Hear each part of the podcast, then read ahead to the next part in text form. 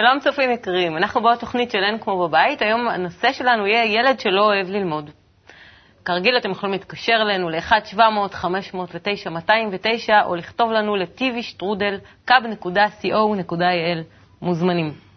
אנחנו מציגים את הפאנל שלנו, לימור סופר פטמן, פסיכולוגית חינוכית ופסיכותרפיסטית, בתיה תלמור, מנחת קבוצות ומטפלת בפסיכודרמה, והיא תנחה אותנו היום אה, איך להשתמש בכלי הזה עם ילדים.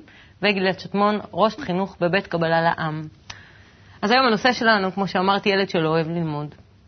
אני אתחיל מהבן שלי, אני אתחיל כרגיל מהבית שלי. הבן שלי ניצן, שהוא בן תשע היום. אה, באתי אליו ושאלתי אותו שאלה, ניצן, מה אתה חושב על בית ספר בלי ציונים?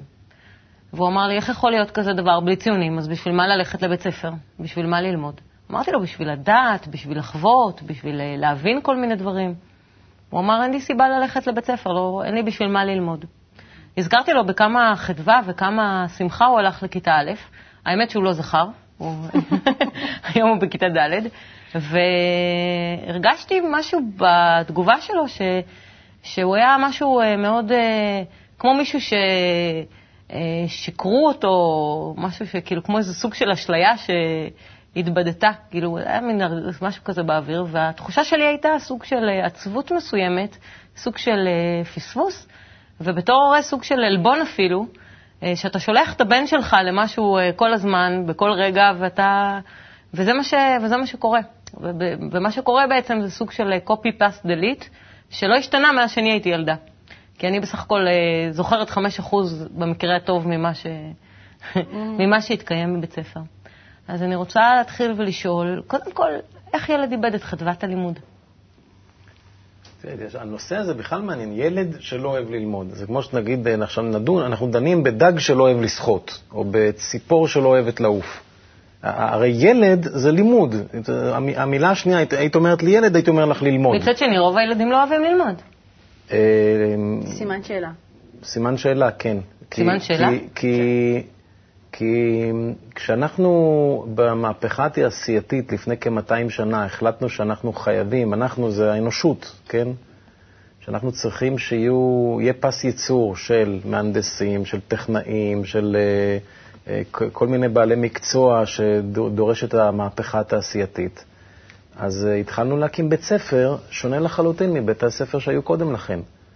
קודם לכן, בית ספר זה המקום שכיף לבוא ללמוד בו. מתדיינים על דברים, לומדים על החיים, לומדים דברים פרקטיים שיכולים לשמש אותך במהלך החיים שלך.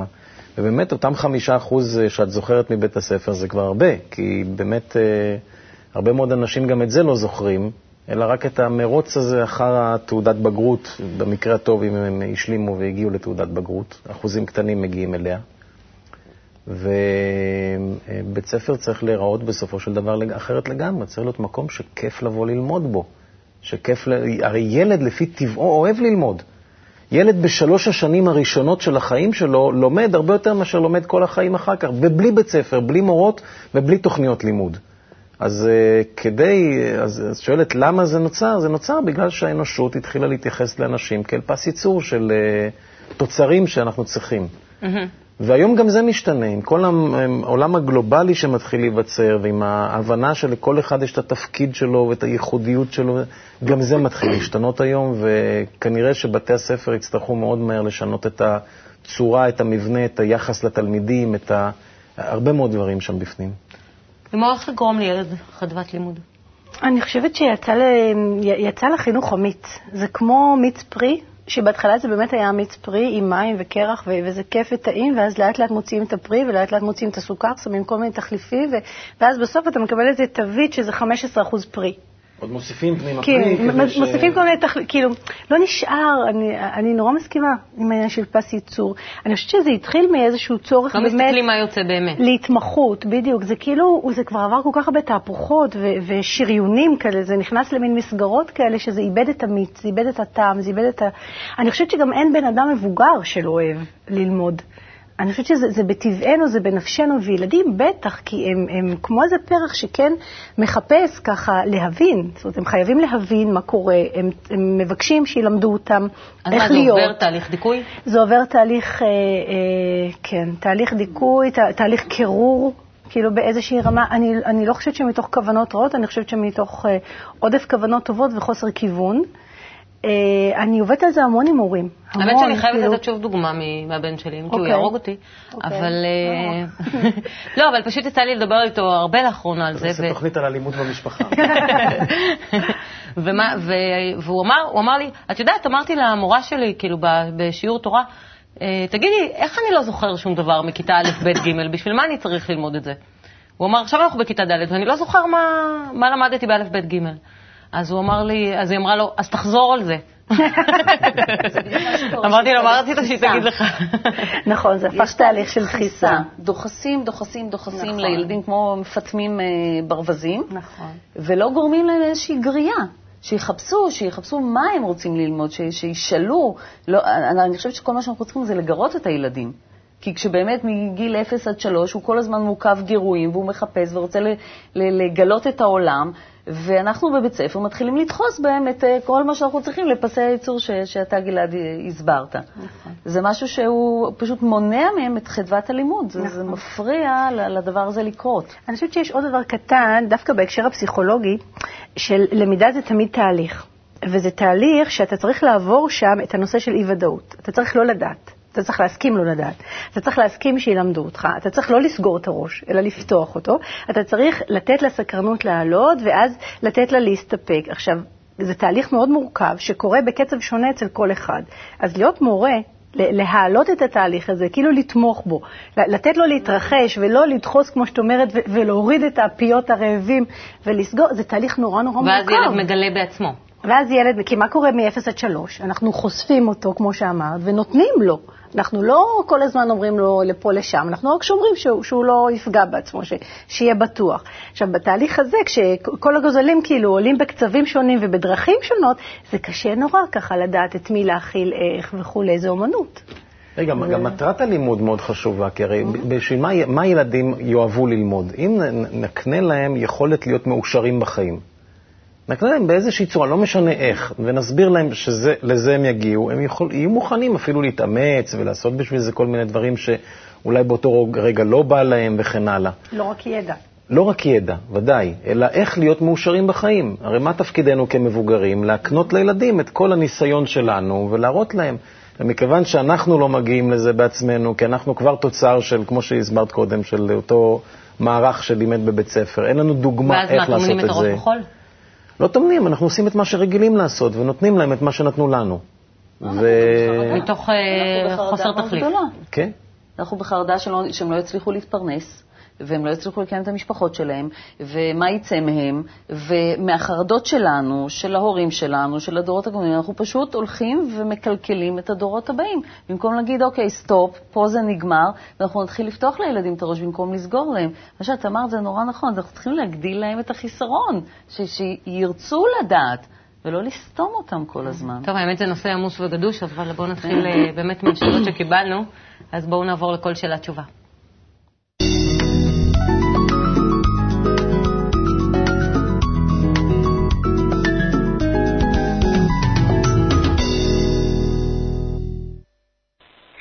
שלום לצוותיהם כמו בבית, אה, קוראים לי מיכל. יש לי בן תשע, שהוא תלמיד חכם, שעם קליטה מאוד מהירה, אה, רק שבית ספר נשבר לו די מהר. בהתחלה הוא היה אלים, ועכשיו הוא נמנע מלהתאמן. זאת אומרת, הוא, הוא הפך להיות כזה פסיבי. מבחינה חברתית אוהבים אותו, והוא לא, לא עושה את המאמץ להתקשר לאחרים. מה שקורה שהוא הוא אומר ש, שהחומר נורא משעמם אותו, ושמשעמם לו. הוא לא אוהב ללמוד. הוא נראה שהוא לא רוצה ללמוד. אה, מה, מה אתם מייעצים לנו? תודה. שאלה לא פשוטה, מה אנחנו... כי הוא, הוא בעצם מעיד על המצב הרגשי שלו, הוא אומר, אני לא אוהב ללמוד, אבל משעמם זה לי. משהו שנורא קשה לשמוע כאימא. משעמם לי. מה שאני נותנת לך כלים ל- להתפתחות, אה, הם אה, מה?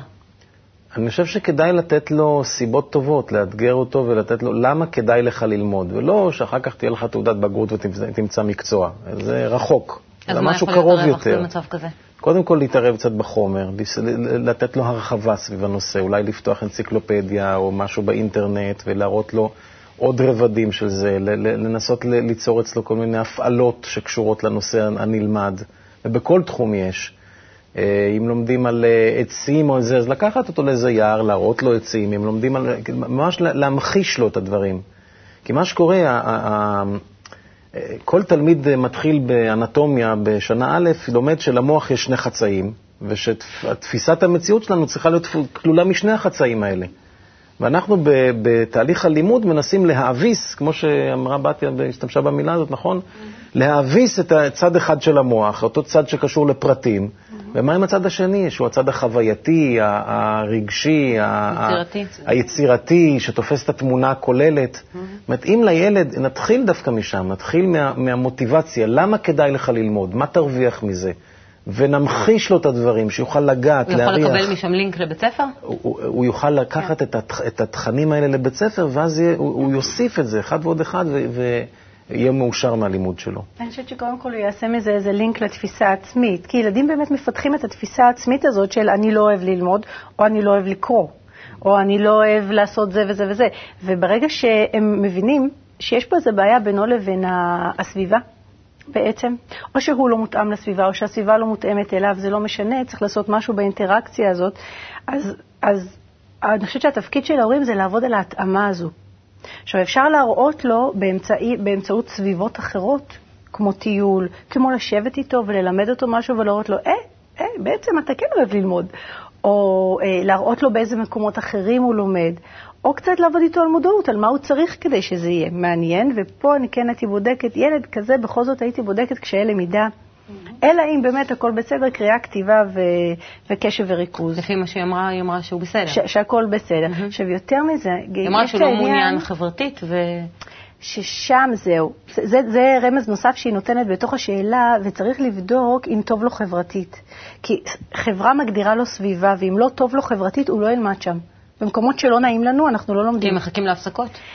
לא, כי, כי אם לא טוב לו, והוא מרגיש שלא אוהבים אותו, או שהוא מרגיש שאין לו אפילו חבר אחד שם, כי הוא נשמע בודד, אז הוא לא ילמד. גם אם הוא חכם הוא וגם אם עסוק הכל רגשית בסדר. בתהליך ולא כן, לא בלמידה. אי אפשר, לא אתה חייב להרגיש. נעים. כש, כשכואב לנו הבטן, אנחנו לא מצליחים ללמוד. גם כשכואב לנו בנפש. אני גם חושבת שיש מקום של האימא, את ככה הדגשת את זה, של אה, לבדוק עד כמה האימא צריכה שהוא ילמד בשבילה. וזה הרבה פעמים קורה לנו שאנחנו מציבים את עצמנו במרכז במקום את הילד. אבל זה טבעי, זה כמו שאמרת לפני כן, יש איזשהו פחד מאיך הוא יתפרנס ופחד מאיך הוא יבנה משפחה. זה טבעי, אבל זה לאו דווקא, את יודעת, גם, אה, כל, יש כל מיני דברים טבעיים, ואנחנו לא בהכרח אה, עושים אותם. כשאנחנו מתפתחים ומנסים להיות אנשים קצת יותר מודעים, לטפל ב, בילדים שלנו בצורה יותר מודעת, אנחנו מנסים לבדוק ולראות איך אני יכולה אה, לראות את הילד באמת מהנעליים שלו. ולא מהנעליים שלי ולא מהחרדות שלי, אלא לבדוק מה באמת הוא צריך, לא מה אני צריכה. ויכול להיות שזה ילד מאוד מאוד מיוחד, שיש לו צרכים מאוד מאוד אה, מיוחדים, וצריך לעזור לו לגלות אותם. באמת לגלות מה הסיבה שבגללה הוא כן ירצה ללמוד, ואם הוא לא רוצה ללמוד, אם אין לו סיבה מספיק טובה, אני כאימא לא רוצה שהוא ילמד. אין סיבה שהוא ילמד אם אין לו סיבה מספיק טובה. אני לא רוצה להפוך אותו לאיזה מריונטה. אני רוצה שהוא יהיה בן אדם שיודע למה הוא עושה את הדברים, ועושה אותם רק בגלל שהוא הבעיה מבין. של ציפייה של אימא מורכבת מכל כך הרבה דברים. מ- אז צריך לטפל קודם כל באימהות, כמו שצריך לטפל קודם כל במורים, הילדים ממש בסדר. זהו, אפשר, עוד, עוד נקודה שאפשר, זה נכון, תמיד, אה, תמיד כל טיפול בילד, אני יודע את זה גם מהמקצוע שלי, תמיד, ילד זה תמיד לטפל גם באימא ובאבא, זאת אומרת, לראות מאיפה זה בא, זה נכון. תמיד נכון. אבל uh, עוד דבר, אה, שאלה מה הוא לא אוהב ללמוד, האם שום דבר, לברר קצת, האם שום דבר הוא לא אוהב ללמוד, אולי מקצוע מסוים, אולי זה בגלל המורה, אולי יש לו, כמו לכל אחד מאיתנו, איזושהי נקודת חוזקה, משהו שהוא חזק בו, ואז אפשר לטפח את הצד הזה, ודרך שם להראות לו גם את הדברים שהוא לא כל כך אוהב ללמוד, לתת לו את הביטחון שיבוא, כמו שלימור אמרה, נכון, שילד מרגיש בטוח, גם חברתית וגם בחומר בנושא מסוים, הוא יכול משם לבוא אל דברים שהוא קצת יותר חלש בהם ו- ו- ל- ל- לק- ולהיות מתוך מסוגל זה ללמוד שהדימוי אותם. העצמי שלו גם יעלה מתוך ה... גם הדימוי העצמי וגם, היא אמרה אבל שהוא היה תלמיד טוב קודם, נכון? כן. אז זאת אומרת, יש לו את היכולת, זה לא כן. שחסר לו, חסר לו האינטלקט ללמוד. כן. טוב, אנחנו נעבור לשאלה הבאה כדי שנספיק לענות על עוד שאלה, שאלה שהגיעה דרך האתר. שלום, שמי ירדן, בתנו הקטנה בת עשר, הגדולים כבר אחרי צבא. היא מתקשה בלימודים, היא ילדה נבונה מאוד, שאוהבת לקרוא ויצירתית מאוד. אך המורה אומרת שאינה מכינה את שיעורי הבית או מכינה אותם חלקית, ובמבחנים ציוניה נמוכים. ברור לי שהיא יכולה ללמוד, אך לא ברור לי אם היא לא אוהבת ללמוד או מתעצלת ללמוד. עם עצלות אפשר להתמודד על ידי דרבון, אבל אם היא לא אוהבת ללמוד, האם אפשר ללמד אותה לאהוב זאת? מה זה עצלנות? עצלנות זו תכונה טבעית שיש לכולנו, אבל זה המקור של...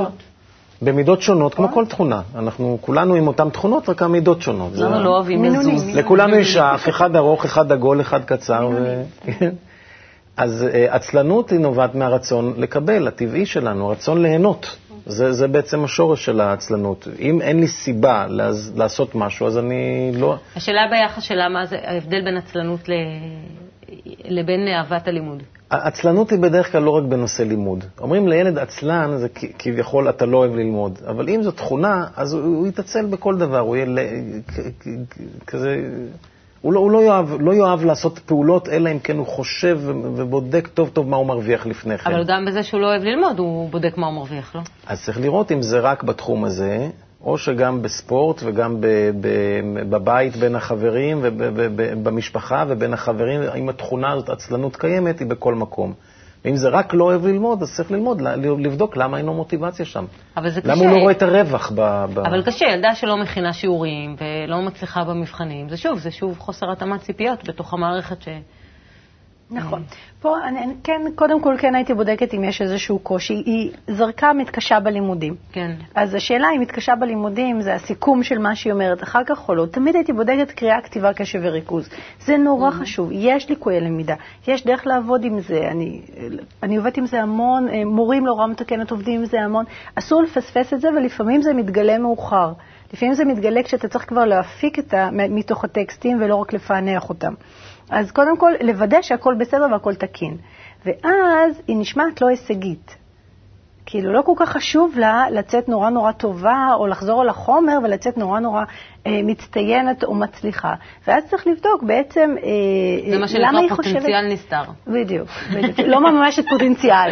רוב כן. הילדים לא מממשים באים פוטנציאל. באספת הורים, יש לו פוטנציאל גבוה יותר.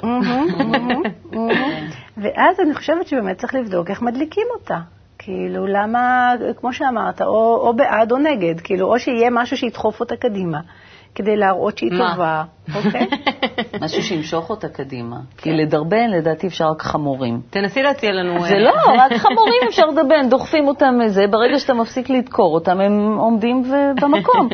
ילדים לא, מה זה האמת לדרבן? שכשאתה מרביץ להם, הם בעיקר עומדים במקום, נכון? אה, כן? אז אני כן. לא- לא כל כך ניסיון באמת עם חמורים, אבל אה, זה- זה ילדים, תדרבן אותו, אז נגיד שהוא יעשה בשבילך.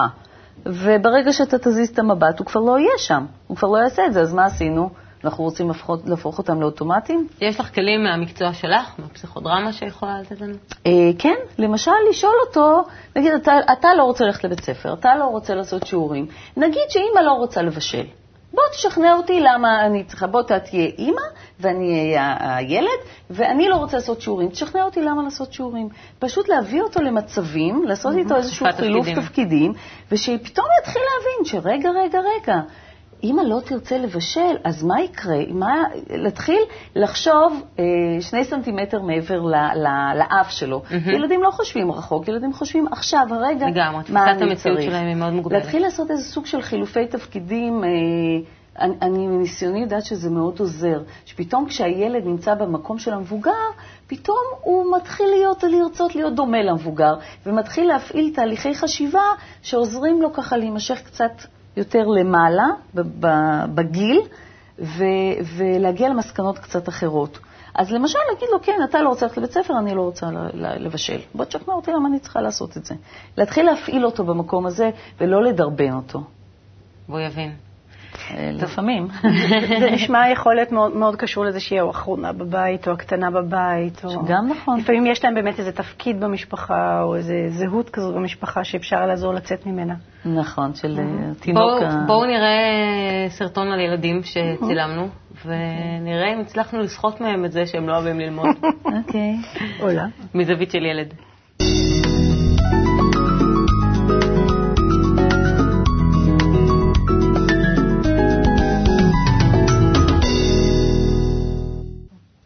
אז כמו שאמרתי, בואו נראה אם הם מודים בזה או לא, בזה שהם לא אוהבים ללמוד. תחזרו אלינו מיד אחרי הקליפ. שלום, קוראים לי עדן ואני בת עשר וחצי. שלום, קוראים לי שיראל ואני בת שבע. שלום, קוראים לי רפאל ואני בן עשר וחצי. האם את אוהבת ללכת לבית ספר? לא כל כך. למה? כי בבית ספר מכריחים אותך לעשות דברים, אין לך הרבה בחירה. ככה ככה. למה? כי יש דברים שאני לא כל כך אוהבת ודברים שקצת אני אוהבת.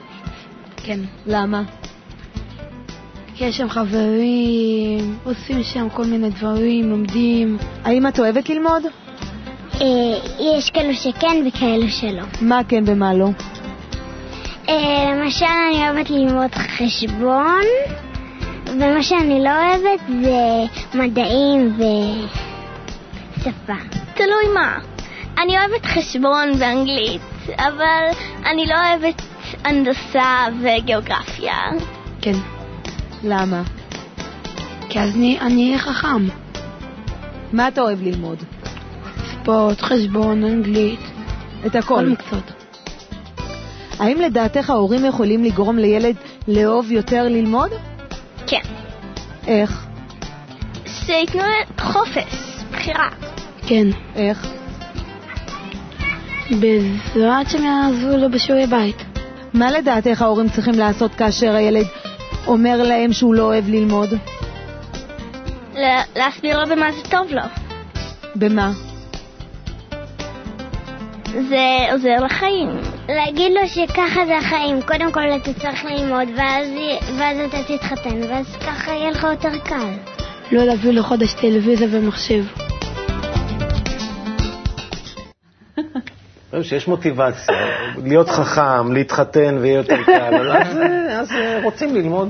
כשאין מוטיבציה, אין, אין בשביל מה. וגם עם הרומזים של ההורים יש הרבה, הרבה יכולת לעזור.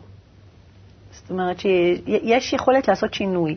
שינוי ברצון, שינוי בסביבה, יש יכולת לשנות את. העניינים. כן. אם ילד נתקע, הולך באיזה דרך, מגיע לדד אנד, אז צריך לעזור לו לצאת מהדרך הזו. צריך לעזור לו לתת לו סיבות טובות לעשות את הדברים.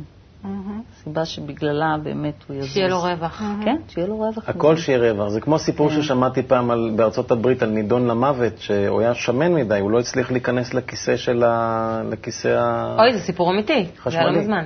כן? לא, אני, שם-. אני לא יודע אם הוא אמיתי, אני לא, לא ערב לאמיתיותו. אמיתי לגמרי. אז אה, אולי, משהו, אולי משהו אחר ממה שאת מכירה. כן. ואז אה, אמרו, אוקיי, אז לך שבוע ימים לצום ב- ב- ב- בצינוק, ואחרי זה נחבר אותך לכיסא. הלך שבוע ימים, נכנס, לא נכנס לכיסא. איזה יופי, אותו- מה שנקרא. שלחו אותו לעוד שבוע ימים בלי אוכל ובלי מים. וחוזר אחרי שבוע, לא נכנס לכיסא, שמן. אז ה- זה שמחבר שם לכיסא אומר, תגיד, איך אתה עושה את זה? כל כך הרבה זמן אתה לא יורד במיליגרם. הוא אומר, תשמע, אין לי מוטיבציה. לגמרי לא. אז כך גם, אני לא בטוח שזה סיפור אמיתי, אבל... כן. אה, טוב, אז אנחנו נעבור לפינת הטיפים שלנו, ונראה אם יצא לנו ככה שורה אחת שההורה בבית יבין למה כדאי שהילד שלו להצליח, שהוא יצליח לאהוב את הלימוד. פינת הטיפים.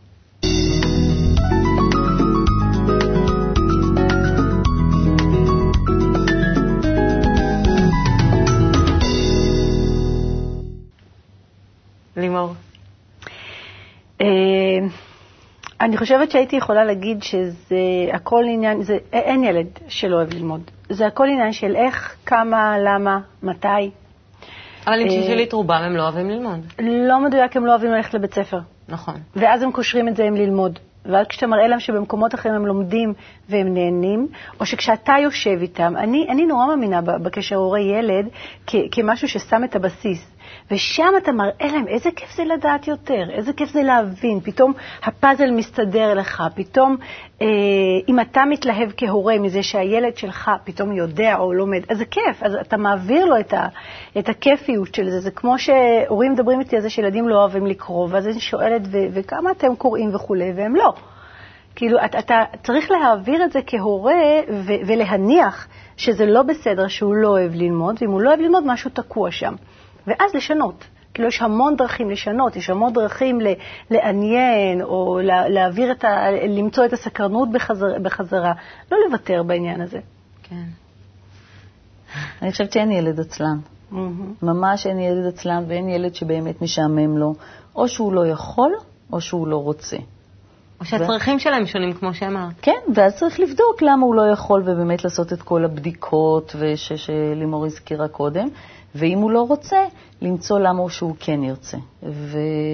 וזו הדרך בעיניי ככה להניע אותו. ואולי גם לא חייבים הכל, כמו שגלעדי קודם אמר. גם לא חייבים. לא נכון. שכולם חייבים גיאוגרפיה וכולם חייבים חשבון וכולם... שמשהו... יש מסגרות באמת... משהו אה, ברור מאוד במה ש- שיש ילדים שאוהבים ככה ושיש ילדים שאוהבים ככה. יש מסגרות של בתי ספר דמוקרטיים שילדים יכולים ללכת ולבחור בעצמם את מה שהם רוצים ללמוד. ואני חושבת שאם ילד שיש לו מוטיבציה, יכול להיות בבית ספר כזה ומאוד ליהנות ממנו. כן. אני בהחלט מסכים, מוטיבציה זאת נקודת המפתח, ואנחנו כמבוגרים צריכים אה, לעזור לילדים אה, לחזור ללמוד בכיף, ללמוד וליהנות מהלימודים האלה.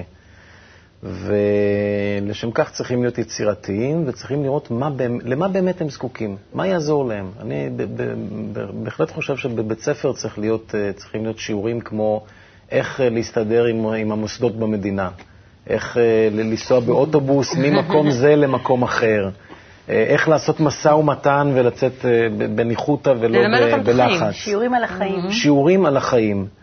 גם חשבון צריך בינינו, אבל, אבל מי, מי צריך לדעת את כל ה... באמת, כמה, את כל החשבון? האינפיניטסימלי והאינטגרלי וכן הלאה. ערך משולש מקסימום, כן? במכולת ב- להנחות. אחוזים להנחות, כן. לא להתבלבל בסופר. אבל, אבל אה, אה, הרעיון הוא שבאמת יהיה אה, לפני כל שיעור, לפני כל שיעור, שיחה עם הילדים ולבדוק מה אנחנו מרוויחים מהשיעור הזה. ואחר כך ניגשים לחומר. ולברר מה הם רוצים ללמוד גם. כן.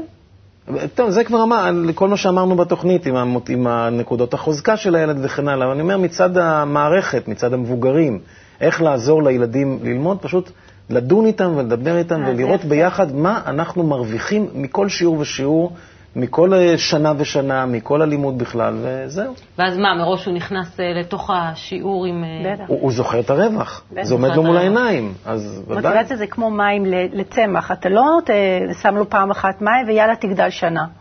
כאילו זה אתה. כל הזמן, כן, אתה כל הזמן נותן לו זה דשא, כמו מים. עובד בקבלנות לעומת עובד בהסתדרות כזה, כן. כמו משהו בסגנון. אז ודאי שאחד יעבוד כך ואחד אחרת. טוב, תודה רבה לכם. נקווה שנדשן את הילדים שלנו ונשקה אותם יום-יום, בקרוב. תודה רבה ולהתראות, נתראה בתוכניות הבאות.